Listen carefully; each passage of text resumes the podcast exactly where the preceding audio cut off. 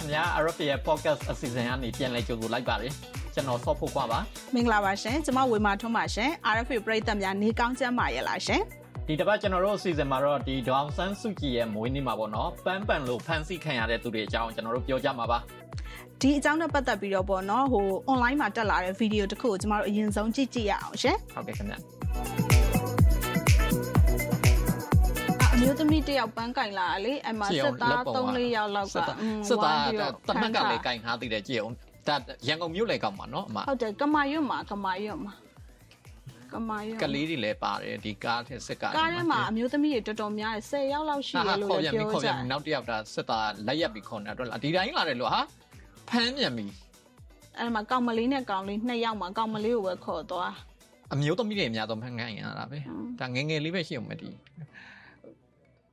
ဖျားပန်းလာဝယ်တာလည်းဖြစ်နိုင်တာပဲဖျားသွားဖို့လည်းဖြစ်နိုင်ဟိုမျိုးသမီးဆိုလို့ရှင်ဒါအဲလုံးဝမြန်မာစံစံလေးဝတ်ထားလေဒီဗီဒီယိုကြည့်ပြီးတော့တခုသတိရသွားတယ်ဒီရွေးကောက်ပွဲကာလတုန်းကဒေါန်ဆန်းစုကြည်ပေါ့နော်ရခိုင်ပြည်နယ်ခီးစဉ်တခုမှဆိုရင်ဒါပြောခဲ့တာရှိရလေဟိုဥစားကျမတို့နိုင်ငံကပေါ့နော်ဒီအမုန်းတရားတွေအကြောက်တရားတွေပွားနေလို့ကတော့ကျမတို့နိုင်ငံကိုအကျိုးပြုနိုင်မှာမဟုတ်ပါဘူးဆိုပြီးသူပြောခဲ့တဲ့စကားပေါ့နော်ဒီဟာဒီအချိန်ကာလနဲ့လည်းထင်ဟပ်နေတယ်လို့ပဲဒါပန်းကြောက်တဲ့စစ်တပ်ဆိုလို့ကဘာမှာတော့မြန်မာစစ်တပ်တခုပဲရှိမယ်ထင်တာပဲမာကြီးအမတို့လေဒီကိစ္စကိုဆွေးနွေးဖို့အတွက်လေမတ်ပန်ဆယ်လိုလည်းဖိတ်ထားတယ်ဟုတ်ကဲ့ကျွန်တော်တို့နဲ့အတူဒီနေ့မတ်ပန်ဆယ်လိုကဒါ online ကနေပါဝင်ဆွေးနွေးမှာဖြစ်ပါတယ်ခင်ဗျာမတ်ပန်ဆယ်လိုဒီဗီဒီယိုကြည့်ရတော့လေဟိုဘလို့ခန်းစားချက်ရလဲရှင် အမ်ဖန်စီဒီပေါ့နော်ဒီလိုဒီလိုမျိုးဖန်စီဖို့စ조사ခံရတဲ့ဒီအမျိုးသမီးတွေအတွက်စိတ်ထဲမှာစိတ်မကောင်းဖြစ်တယ်ဘာလို့လဲဆိုတော့သူတို့ဖိနှိပ်ခံနေရတယ်ဆိုတာတေချာမြင်ထားတဲ့အဖြစ်ဟိုအခြေအနေပဲပေါ့နော်ဒါပေမဲ့ဒီကောင်တွေရဲ့လှုပ်ရက်ကိုကြည့်ပြီးတော့တော်တော်လေးကိုရေကျင်ပတ်ကြည့်ဖြစ်တယ် ဘာလို့လဲဆိုတော့သူတို့ဘာသာသူတို့ဟိုလူဆိုတာဒီဒီပန်းတပိတ်ကိုပေါ့နော်တချို့တွေဆိုလို့ရှိရင်ဒီ social media အရင်မသုံးတဲ့သူတွေじゃသိချင်မှလည်းသိမယ်ပုံမှန်တိုင်းပဲသူတို့စီသူကဖေးဟိုဖေးပန်းဝဲသိမလားမြန်မာမျိုးသမီးတွေဆိုတာပန်းပန်တတ်ကြတယ်အဲ့တော့သူတို့လေသူတို့ပုံမှန်ရက်တည်နေတဲ့ပုံမှန် daily life ဖြတ်တန်းနေတဲ့သူတွေလည်းရှိကောင်းရှိမယ်တချို့ကကြတော့ပန်းတပိတ်မှာပါဝင်တဲ့အနေနဲ့ပါဝင်တဲ့သူတွေရှိကောင်းရှိမယ်ပေါ့နော်ဒါပေမဲ့သူတို့အဲ့လိုမျိုးလုပ်နေတဲ့ပုံစံကလေဟိုဘယ်လိုခေါ်မလဲသူတို့ရဲ့အကြောက်တရားကြီးပေါ့နော်ဒီ လူလူလူလူပါဝင်လာမှာကိုစိုးရိမ်တဲ့အကြောက်တရားကြီးကိုထင်ထင်ရှားရှားမြင်ရတယ်။ဟိုတော်လိုင်းကာလာနှစ်နှစ်ခွဲကျော်နှစ်နှစ်ခွဲဝန်းကျင်ဖြစ်လာတဲ့အခါမှာပေါ့နော်လူတွေကအမြဲတမ်းဘာပဲဖြစ်ဖြစ်ကောင်းတာပဲဖြစ်ဖြစ်ဆိုးတာပဲဖြစ်ဖြစ်လူတွေရှင်မားလာတတ်တဲ့သဘောရှိတယ်။အဲ့တော့အဲ့လိုရင်မားလာပြီးတော့တချို့တွေဆိုထားကြရင်သူတို့စစ်အာဏာရှင်စနစ်အောက်ကိုရောက်နေတယ်ဆိုတော့မီလီယံမီလီယံသွားတဲ့သူတွေရှိတယ် အဲ့လိုမျိုးအခြေအနေမျိုးမှာသူတို့ကဒီလိုလုပ်ရက်တွေလုပ်လိုက်ခြင်းအဖြစ်အဲသူတို့ဟိုဘယ်လိုခေါ်မလဲပြည်သူလူထုကိုဖိနှိပ်နေတယ်ပြည်သူလူထုကအဲဘယ်လိုခေါ်မလဲအဖိနှိပ်ခံနေရတယ်ဆိုတဲ့ဟာကိုသူတို့ကိုယ်တိုင်က ဟိုတော်လှန်မှဖြစ်မယ်ဆိုတဲ့အတွေးကိုပေါ့နော်သူတို့ကိုယ်တိုင်ပါဝင်ပြီးတော့လှုံ့ဆော်ပေးနေတယ်လို့ဖြစ်နေရလို့ပဲမြင်တယ်ပြီးတော့လူတဘာဝကိုပဲကြည့်မယ်ဆိုလို့ရှိရင်ကိုယ့်ကိုဖိနှိပ်နေတဲ့သူကိုယ်တွေပေါ်မှာမကောင်းတဲ့သူဆိုလို့ရှိရင်လူတွေကမနှိမ့်ညွတ်တတ်တဲ့တဘာဝရှိတယ်ဒါလူတိုင်းလူတိုင်းပဲပညာပညာရေးနဲ့လည်းမဆိုင်ဘူးဉာဏ်ရည်နဲ့လည်းမဆိုင်ဘူးပြည်သူသူတို့ကိုသူတို့နဲ့ပို့ပြီးဝေးသွားအောင်သူတို့ပို့ပြီးပို့ပြီးမုန်းတီးသွားအောင်သူတို့ပို့ပြီးဆန့်ကျင်လာအောင်လှုပ်ဆောင်နေတယ်လို့ဖြစ်နေရလို့မြင်ပါတယ် အမအခုဆိုလို့ရှိရင်ဒါကြည့်လိုက်ပေါ့နော်ဒါပန်းကင်နာနဲ့ကိုဖမ်းတာပေါ့နော်အဲကြတော့ဒေါအောင်ဆန်းစုကြည်နဲ့ပတ်သက်လို့ဒေါအောင်ဆန်းစုကြည်မိုးနီမှာပန်းကင်ရတဲ့သူတွေပေါ့စစ်တပ်ကဘာလို့ဒေါအောင်ဆန်းစုကြည်ကိုဒီလောက်တော့မုန်းနေကြလဲမဒီခေတ်ဆက်ဆက်မှာဒီဒီတစ်ခေါက်မှဒီတစ်ခေါက်ကစစ်အာဏာရှင်တွေကမှဒေါ်ဟန်စုကြည်ကိုကြောက်ခဲ့တာမဟုတ်ဘူးအဲရှေ့ရှေ့ခေတ်အဆက်ဆက်ပေါ့နော်ရှေ့က generation ကသူတို့သူတို့ရဲ့ဆရာကြီးများဖြစ်တဲ့အဲရှေ့ကစစ်အာဏာရှင်တွေခေတ်အဆက်ဆက်ကလည်းဒေါ်ဟန်စုကြည်ကိုကြောက်ခဲ့တယ် ဘာလို့ဘာလို့ကြောက်တာလဲဆိုတော့မနိုင်လို့ကြောက်တာသူတို့သူတို့ရဲ့ထိုင်ကုန်ကိုကင်လှုပ်နိုင်နေသူနောက်တစ်ခုကကြတော့သူတို့ရဲ့အတွင်းစိတ်ထဲမှာဒါကျမရဲ့ opinion ပေါ့နော်သူတို့ရဲ့အတွင်းစိတ်ထဲမှာသူတို့ကဒေါ်နန်းစုကြည်ကိုကြိတ်ပြီးအားကြတယ်အထူးသဖြင့်ကျမမမီလိုက်တဲ့ရှေ့ဆက်ရှေ့ရဆရာနာရှင်တွေကိုတော့တတိချာချာ analyze မလုပ်ဖြစ်ပေမဲ့မင်းအောင်နိုင်ကိုပြောရမယ်ဆိုလို့ရှိရင်မင်းအောင်နိုင်ဒီသူကဒေါ်နန်းစုကြည်ကိုသူ့ရဲ့ idol ကဒေါ်နန်းစုကြည်ပဲသူကဒါတော့ကျမရဲ့အမြင်ပါနော် ဘာဖြစ်လို့လဲဆိုတော့ तू ကဒေါ်မဆန်းစုကြည်လိုမျိုးဖြစ်ချင်နေတာပြည်သူလူထုကသူ့ကိုဒေါ်မဆန်းစုကြည်လိုမျိုးချစ်ခင်တာမျိုးကို तू လိုချင်တယ်ပြီးတော့ဒေါ်မဆန်းစုကြည်လိုမျိုးဩဇာမျိုးကို तू ရချင်တယ်ပြီးတော့ဒေါ်မဆန်းစုကြည်ပေါ်မှာပြည်သူတွေကိုဒေါ်မဆန်းစုကြည်ရဲ့ပြည်သူတွေကိုလွှမ်းမိုးနိုင်မှုပေါ်မှာ तू ကအားကြတယ်ဥမာလူလူကောင်းဆောင်ဖြစ်ချင်တယ်ဆိုလို့ရှိရင်လူလူနဲ့အတူတူရက်တည်ရမယ်လူလူရဲ့သဘောဆန္ဒကိုလိုက်နာရမယ်လူလူအဲဘယ်လိုကောင်းမလဲလူလူနဲ့တသားတည်းရှိရမယ်အဲ့လိုမျိုးလူနေထိုင်လာတဲ့အတွက်ဒေါ်မဆန်းစုကြည်ဖြစ်လာတာဒါပေမဲ့ तू ကဒေါ်မဆန်းစုကြည်ရနေတဲ့ အဲ့ဒီ influence ဖြစ်မှုတွေဩဇာအာဏာဩဇာတွေ power တွေပေါ့နော်အဲ့ဒီအရာတွေကိုသူလိုချင်တယ်တပြိုင်နက်တည်းမှာပဲသူကပြည်သူလူထုပေါ်မှာလှုပ်ချင်တာလှုပ်လို့ရတယ်ဆိုတော့အာနာရှင်စိတ်အာနာရှင်တယောက်လည်းဖြစ်ချင်နေတယ်အဲ့တော့ तू ကအာလက်ရှိပေါ့နော်ဒီဆက်အာနာသိမ့်မှုပြီးတော့ဒေါန်ဆန်းစုကြည်ပေါ်မှာဖိနှိပ်မှုအာဖိနှိပ်တယ်ဆိုတော့လဲကြောက်ရွံ့လို့ဖိနှိပ်နေတာပေါ့နော်အဲ့ဖိနှိပ်မှုတွေအကုန်လုံးကမင်းအောင်လိုင်းရဲ့သူ့ကိုယ်သူဘာဖြစ်ချင်မှဘာဖြစ်ချင်လို့ဖြစ်ချင်မှမသိမသိတဲ့အရာတွေကတွေစပြီးဖြစ်လာတယ် ဒီပန်းတပိတ်ကပေါ့နော်ဒီနိုင်ငံတကာပဲဖြစ်ဖြစ်ပေါ့နော်ပြည်တွင်းမှာပဲဖြစ်ဖြစ်တက်ရောက်မှုဘလောက်အားကောင်းခဲ့တယ်လို့ထင်ပါလဲရှင်အမိမွေးနေ့အမှတ်တရမှာပြုလုပ်တဲ့ဒီပန်းတပိတ်ဆိုလို့ရှိရင်အားလုံးဟို ဘယ်လိုခေါ်မလဲပြည်သူတိုင်းအိမ်ထဲမှာနေပြီးတော့လည်းပါဝင်နိုင်တယ်လမ်းမော်ထွက်မှအဲလမ်းမော်ထွက်ပြီးပန်းပန်ပြီးတော့ပန်းနေကင်သွားမှအဲ့လိုမဟုတ်ဘူးပေါ့နော်ကိုယ့်ရဲ့ social media မှာပဲဖြစ်ဖြစ်ကိုယ့်ရဲ့ account အတစ်တစ်ခုခုမှာပဲဖြစ်ဖြစ်ပေါ့နော်ဒီဒီလူလူလှုပ်ရှားမှုကိုလူတွေကြားထဲမှာပြန့်နှံ့အောင်ပြီးတော့အမေရောင်ဆန်းစုကြည်ကိုပြည်သူတွေအားလုံးကအမှတ်တရရှိနေကြတယ်ဆိုတော့အရာကိုပေါ်လွင်စေဖို့အတွက်ဒီပန်းတစ်ပိတ်ကိုပြုလုပ်ကြတာဖြစ်တယ်။အဲ့မှာထုံးစံတိုင်းသူတို့ရဲ့ပေါ့နော်ဒီကြောက်ကံကံပြီးတော့ဟို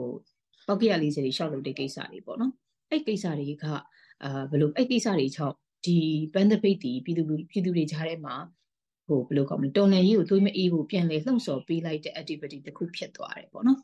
ဒီပန်းတပိတ်တီလည်းဒီမင်းအောင်နိုင်ရဲ့ဟိုကစင်ကလျားနိုင်မှုကို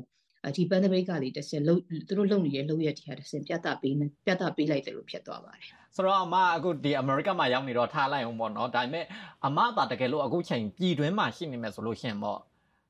အမဘယ်လိုနေမလဲ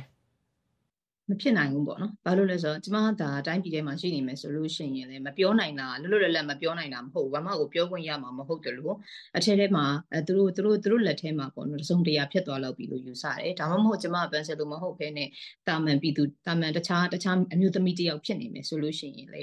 တေချာပေါက်ပေါ့နော်။သူတို့ရဲ့ဖိနှိပ်မှုတွေအောက်မှာအာဘယ်လိုခေါ်မလဲအခုလိုလွတ်လွတ်လပ်လပ်ပြောဖို့အခွင့်အရေးလုံးဝရရှိမှာမဟုတ်ဘူး။ဒါပေမဲ့ ကျမတာမြန်မာပြည်ထဲမှာရှိနေမယ်ဆိုလို့ရှိရင်တော့လွတ်လွတ်လပ်လပ်ပြောဖို့နေနေတာတာပြောခွင့်အောင်ဘာမှရမယ်လို့မထင်ဘူးပေါ့နော်ကျမကတော့ကျမလွတ်လွတ်လပ်လပ်ပြောနိုင်စွမ်းရှိတဲ့နောက်ဆုံးချိန်ထိတော့ကျမတော့ပြောသွားမှာပဲဒါပေမဲ့ကျမအတန်ကိုလည်းဘယ်သူမှကြားမှာမဟုတ်တယ်လို့သူတို့ရဲ့ဖိနှိပ်မှုတွေအောက်မှာကျမဒီတက်ရှိထင်ရှားရှိနေမယ်လို့တော့ကျမမထင်ပါဘူး ပန်းပန်လို့ပန်းကင်လို့ပေါ့နော်ဖမ်းခံရတဲ့သူတွေဒီဟိုပုံမှန်တက်ပြီးတော့အေးအေးယူခံရတဲ့သူတွေဆိုတာကဘာမှာမြန်မာတနိုင်ငံနဲ့ပဲရှိမယ်ထင်တယ်မြန်မာစစ်တပ်ကတော့လှုပ်လိုက်လို့ရှင်အမြဲတမ်းစံချိန်တင်စရာတွေကြီးပဲလို့ဆိုရမှာပဲမိုင်းအဲကြတော့ဒီဒေါအောင်ဆန်းစုကြည်ရဲ့မွေးနေ့မှာပေါ့နော်ပန်းတွေလောက်ကြတဲ့အကြောင်းပြောတဲ့အခါကျတော့ဒေါအောင်ဆန်းစုကြည်ပန်းကိုဘလောက်မျက်နှာတန်မှုထားလဲဆိုတာလည်းကျွန်တော်ပြန်ပြောပြခြင်းသေးတယ်ဆိုတော့ကျွန်တော်တို့ဒီဒီဒေါအောင်ဆန်းစုကြည်2010လွတ်လာပြီးနောက်ပိုင်းပေါ့နော်အဲ့ဒီနောက်မှာဆိုလို့ရှင်ဒါသူ အာရွေးကောက်ပွဲတော့မဲဆွယ်စီယုံကြီးတွေအများကြီးသွားတဲ့ခါဆိုသူကပြည်သူလူထုပေးသမျှပန်းတွေကိုသူကယူတာပဲအမရဲ့အဲ့လိုလေဟုတ်တယ်သူပန်းမပန်တဲ့ရက်တို့ဘာလို့ဆိုတာလေအများမြင်ကွင်းရှေ့ကိုထွက်လာတဲ့ရက်ဆိုရင်ပန်းမပန်တဲ့ရက်ဆိုတာဟိုဟိုမရှိတလောက်နေတဲ့ဒီအာဇာနီနေ့တို့ဘာတို့မှာပဲသူပန်းမပန်ပဲနဲ့အများမြင်ကွင်းရှေ့ကိုထွက်တာမျိုးရှိရပေါ့နော်အမြဲတမ်းသူနဲ့ပန်းနဲ့ဆိုတာအမြဲတမ်းတွဲမြင်နေရတာမျိုးလေ အာဒီမှာကျွန်တော်သိတာတစ်ခုပြောပြအောင်မယ်အဲ့ဒီပန်းမပန်တဲ့ရက်ဆိုလို့ပေါ့နော်သူကပန်းမပန်တဲ့ရက်ကအမရဲ့အာဇာနီနေ့ရဲ့ပြီးတော့နောက်တစ်ခုရှိသေးတာတော့အရန်စိတ်ဝင်စားဖို့ကောင်းတယ်သူ့ရဲ့ဒါခင်ပွန်မိုက်ကယ်အဲရစ်သေဆုံးပြီးတဲ့နောက်မှာတော့သူကတနစ်တိတိပန်းမပန်းဝါမရဲ့အဲ့လိုရှိခဲ့တယ်ပြီးတဲ့အခါကျတော့ဒါကျွန်တော်တို့ဒါသတင်းစာဆရာကြီးဟန်တာရီဦးဝင်းတင်ဒါကွယ်လွန်ပြီးတဲ့ကွယ်လွန်တဲ့အခမ်းအနားကိုတက်တဲ့အခါမှာလေသူကပန်းမပန်းဝါမရဲ့ဆိုတော့ဗောနော်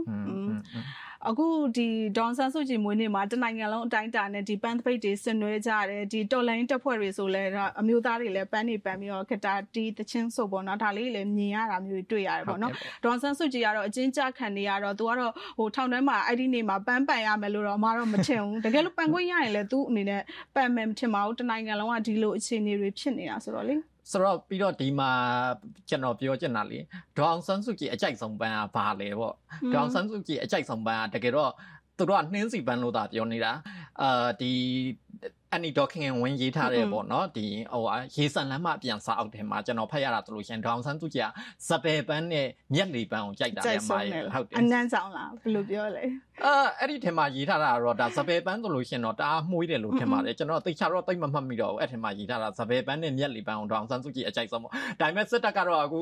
အဲ့လိုပြောလိုက်လို့ကျွန်တော်စပယ်ပန်းနဲ့မျက်လီပန်းပြောလို့နောက်တစ်ခါစပယ်ပန်းနဲ့မျက်လီပန်း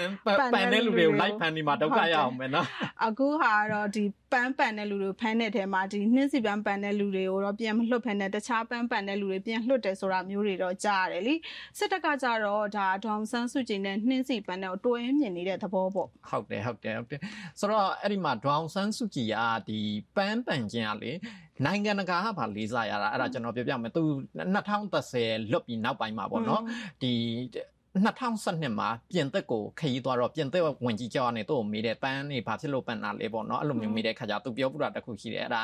သူ့ရဲ့မိခင်ဒေါခင်ကြီးကနေဒီအမွေကိုရလိုက်တာပါတဲ့ပြီးတဲ့ခါမြန်မာ main ကလေးတွေကဒါပန်းနဲ့တင်းတယ်တဲ့ပန်းကိုကြိုက်ကြတယ်ဆိုပြီးတော့ပန်းတယ်ပေါ့နော်အားကြောင့်မို့လဲသူဟိုရိုရအစင်လာအနေနဲ့သူပန်းတွေကိုပန်းတာဆိုပြီးတော့အဲ့လိုမျိုးပြောတာကြားဘူးတယ်မှာရဲ့ပေါ့နော်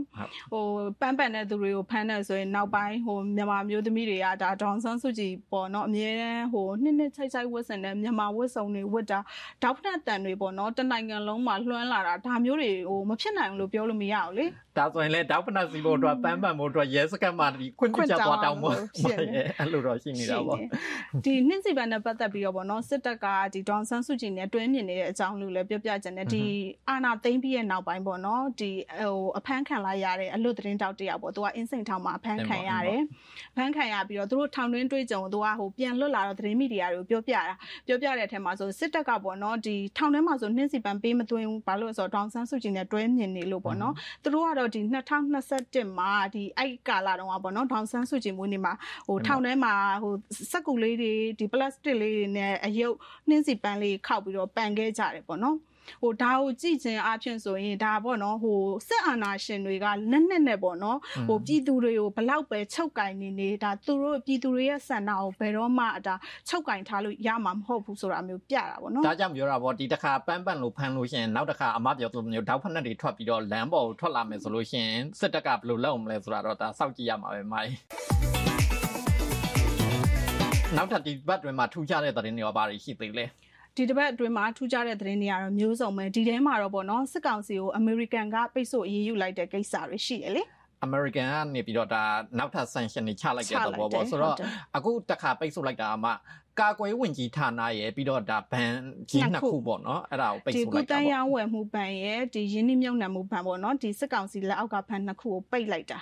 ဒါဒီတခါတော့ဘန်နေဆိုတော့ဒါစက်ကောင်စီအတွက်တော်တော်တော့အထိနာမဲ့ပေါ့ပဲပြီးတော့အမေရိကန်ကထောက်ပြထားတာဒါပေါ့နော်ဒီဘန်နေရဆိုလို့ရှိရင်ရုရှားအပြင်တခြားနိုင်ငံတွေကိုဒီလက်နက်ပစ္စည်းတွေဝယ်တဲ့နေရာမှာဒီဘန်နေရနေသစင်ငွေချင်းနေတယ်ပေါ့နော်ပြီးတော့ဒါနိုင်ငံရှားရင်းနှီးမြှုပ်နှံမှုငွေဝင်တဲ့လမ်းပေါက်တွေလည်းဖြစ်တယ်ပေါ့ဟုတ်တယ်တရားမှုရှိမယ်လို့ထင်လားထင်တယ်ထင်တယ်ဘာလို့လဲဆိုတော့စစ်ကောင်စီဘက်ကဒါနဲ့ပတ်သက်ပြီးတော့ထုတ်ပြောလာရှိရလေအာဒါကပေါ့နော်ဟိုအမေရိကန်ကဒီနိုင်ငံရေးနဲ့စီးပွားရေးအရာပေါ့နော်ဒါမြန်မာနိုင်ငံကိုဒါဖိနှိပ်တာပေါ့နော်သူတို့ကပါတီစုံဒီမိုကရေစီကိုသွားနေတယ်သွားနေတဲ့လမ်းကိုနှောက်နေအောင်လုပ်တယ်ဆိုတဲ့ဟာမျိုးဗိုလ်ချုပ်စော်မင်းထွန်းကဒါ MRTV မှာပြောသွားတယ်ဒါဆိုဟိုတချင်းပြန်ဆိုရမယ်တင်တယ်စီးပွားရေးပိတ်ဆိုတာတို့မမှုပါတယံသာတာရီပေါ်ရမြေဆိုပြီးတော့ပြီးတော့ဒီရိုဟင်ဂျာရေးဆွေးနွေးပွဲလဲဒါကုလသမဂ္ဂမှာလုပ်ခဲ့သေးတယ်เนาะအဲကြတော့အဲ့ဒီရိုဟင်ဂျာရေးဆွေးနွေးပွဲမှာဆိုလို့ရှိရင်ဒါရိုဟင်ဂျာတွေကိုအတင်းကျပ်နေရပြန်မပို့ဖို့ပေါ့เนาะဒါပြောကြတယ်ပြောကြတာတွေရှိခဲ့တယ်ပြီးတော့ပြန်ပို့မယ်ဆိုလို့ရှိရင်လည်းဒါနိုင်ငံသားအခွင့်အရေးအပြည့်အဝရမှာပို့မယ်ဆိုတာမျိုးရှိခဲ့တယ်ပြီးတော့နောက်ထပ်ဆွေးနွေးပွဲမှာဆွေးနွေးတဲ့အကြောင်းအရာတွေမှာပြောပါ သူတို့ကပေါ့နော်ဘာပြောလဲဆိုတော့အခုကရိုဟင်ဂျာတွေကမိုးခေါမုံတိုင်းဆောက်ထောင်နဲ့ချီပြီးတော့ဟိုရာနဲ့ချီပြီးတော့တေတယ်ထောင်နဲ့ချီတဲ့အိမ်တွေပျက်စီးတယ်အဲ့ဒီအခါမျိုးမှာဒါပေါ့နော်ဟိုစစ်ကောင်စီကဒီမြန်မာပြည်တွင်းဟိုဟို အကန့်အသတ်မရှိပေါ့နော်ဝင်ပြီးတော့အကူအညီပေးခွင့်တွေပေးဖို့လောက်ရမှာဒါကိုတို့ကမပေးဘဲနဲ့ဟိုနီးမျိုးစုံနဲ့တားမြစ်ထားဒါမဖြစ်တင်ဘူးဆိုတာတစ်ချက်ပြောတယ်နောက်တစ်ချက်လည်းရှိသေးတယ်အဲ့ဒါကဘာလဲဆိုတော့ဒီ ICJ တို့ပေါ့နော်နိုင်ငံတကာတရားရုံးတွေကိုဒီမြန်မာစစ်ကောင်ဆောင်အရေးယူဖို့ပေါ့နော်ဘယ်နည်းနဲ့မဆိုလောက်တာတွေအားလုံးကိုဒီကုလသမဂ္ဂကပေါ့နော်ဒါထောက်ခံသွားမယ်ဆိုတာမျိုးဒီဆွေးနွေးပွဲမှာပြောခဲ့ကြတယ်အခုအဲ့ဒါဒါနိုင်ငံတကာကလည်းထပ်ပြီးတော့တောင်းဆိုနေတာစစ်တပ်ကတော့ပိတ်ထားတော့မယ်အမရရခိုင်မှာဘလုံငက်ပြက်ပြီးတော့သိနေကြပြီလေကျွန်တော်တို့မသိနိုင်ဘူးပေါ့နော်အခုလိုပိတ်ထားတဲ့အတွက်ပေါ့ဆိုတော့ထိုင်းနိုင်ငံမှာဆွေးနွေးပွဲစစ်ကောင်စီနဲ့ဆွေးနွေးပွဲအကြောင်းလည်းကျွန်တော်တို့ပြောရအောင်ထိုင်းနိုင်ငံမှာဒါ မြန်မာစစ်တပ်ကိုပေါ့နော်နိုင်ငံတကာဖဲကျင်ထားတဲ့အချိန်မှာထိုင်းဆိုရကတော့ဒါခေါ်ဖိတ်ပြီးတော့တွေ့တယ်အဲ့ဟာတော့ကန်ဟိုကန့်ကွက်တာရှိရလေအရက်ဖက်ဖွဲ့စည်းရလဲယာနဲ့ချီပြီးတော့ကန့်ကွက်ကြတယ်ဒီမှာသွားတက်တဲ့နိုင်ငံတွေလည်းရှိတယ်သွားမတက်တဲ့နိုင်ငံတွေလည်းရှိတယ်ပေါ့နော်အာဆီယံရဲ့သဘောထားတော့မဟုတ်ဘူးဒါအလွတ်သဘောဆွေးနွေးပွဲပေါ့နော်အဲ့ဒီမှာဆိုလို့ရှိရင်အာဆီယံနိုင်ငံတွေဖြစ်တဲ့ဒါစင်ကာပူတို့အာအင်ဒိုနီးရှားဥက္ကဋ္ဌဆိုလို့ရှိရင်တို့မပါဘူးပေါ့ကျန်တဲ့ ဟိုဟွန်ဆန်တို့တိုင်းပြည်ကမ္ဘောဒီးယားပေါ့နော်ပါတယ်ဖိလစ်ပင်ပါတယ်ဗီယက်နမ်ပါတယ်ငါးနိုင်ငံအာနာရှင်နိုင်ငံတွေပဲသွားတက်ကြတာလေမိုင်းဒါမြန်မာနိုင်ငံဒီမိုကရေစီရရှိရေးအတွက်ပေါ့နော်အမြဲတမ်းထောက်ခံဆွေးနွေးနေတဲ့စင်ကာပူတို့မလေးရှားတို့အင်ဒိုနီးရှားတို့တော့ဒီဆွေးနွေးပွဲကိုသွားမတက်ဘူးထိုင်းဘက်ကတော့ဗာပြောလဲဆိုတော့ဒါဟိုစစ်ကောင်စီပေါ့နော်ဒီမြန်မာအစိုးရနဲ့ပြန်ပြီးတော့ခေါင်းဆောင်ပိုင်းနေနဲ့ဒီဟိုစကားပြောတဲ့အချိန်ရှိပြီဆိုတာမျိုးထိုင်းဘက်ကဒီလိုပြောတယ်ထိုင်းကလည်းစစ်အစိုးရဆိုတော့ဒါတတန်ထဲတော့ထွက်မှာပေါ့မှာရဲ့ဒီထိုင်းအစိုးရတက်လက်ထက်ရောက်လို့ရှင်တော့ဒါမြမအရေးတွေကိုပို့ပြီးတော့မျှော်လင့်ချက်ရှိလာမယ်လို့ထင်တာပဲမကြီးအရသားဆိုရရောက်လာဖို့ပေါ့ထိုင်းဘက်ကိုလည်းမျှော်လင့်ရမယ်သဘောပေါ့နော်ဟုတ်ကဲ့ပါခင်ဗျာကျွန်တော်တို့ရဲ့ဒီဟိုဟာဒီတစ်ပတ်မှာပြောကြရစီစဉ်ကနေပြီးတော့နောက်တစ်ပတ်မှာလည်းဘလို့စီစဉ်နေထုတ်လွှင့်ပေးအောင်မလဲဆိုတာစောင့်မျှော်ကြည့်ရှုဖို့အတွက်ဖိတ်ခေါ်ပါတယ်နော် RFA ရဲ့ဒီ pocket အစီအစဉ်ကိုဆက်သွယ်ခြင်းနဲ့ဆိုရင် +1 202 235 4218တို့ကိုအသက် message တွေစာတွေပေးပို့နိုင်ပါတယ်ရှင်နောက်တစ်ပတ်မှာပြန်တွေ့ကြမယ်နော်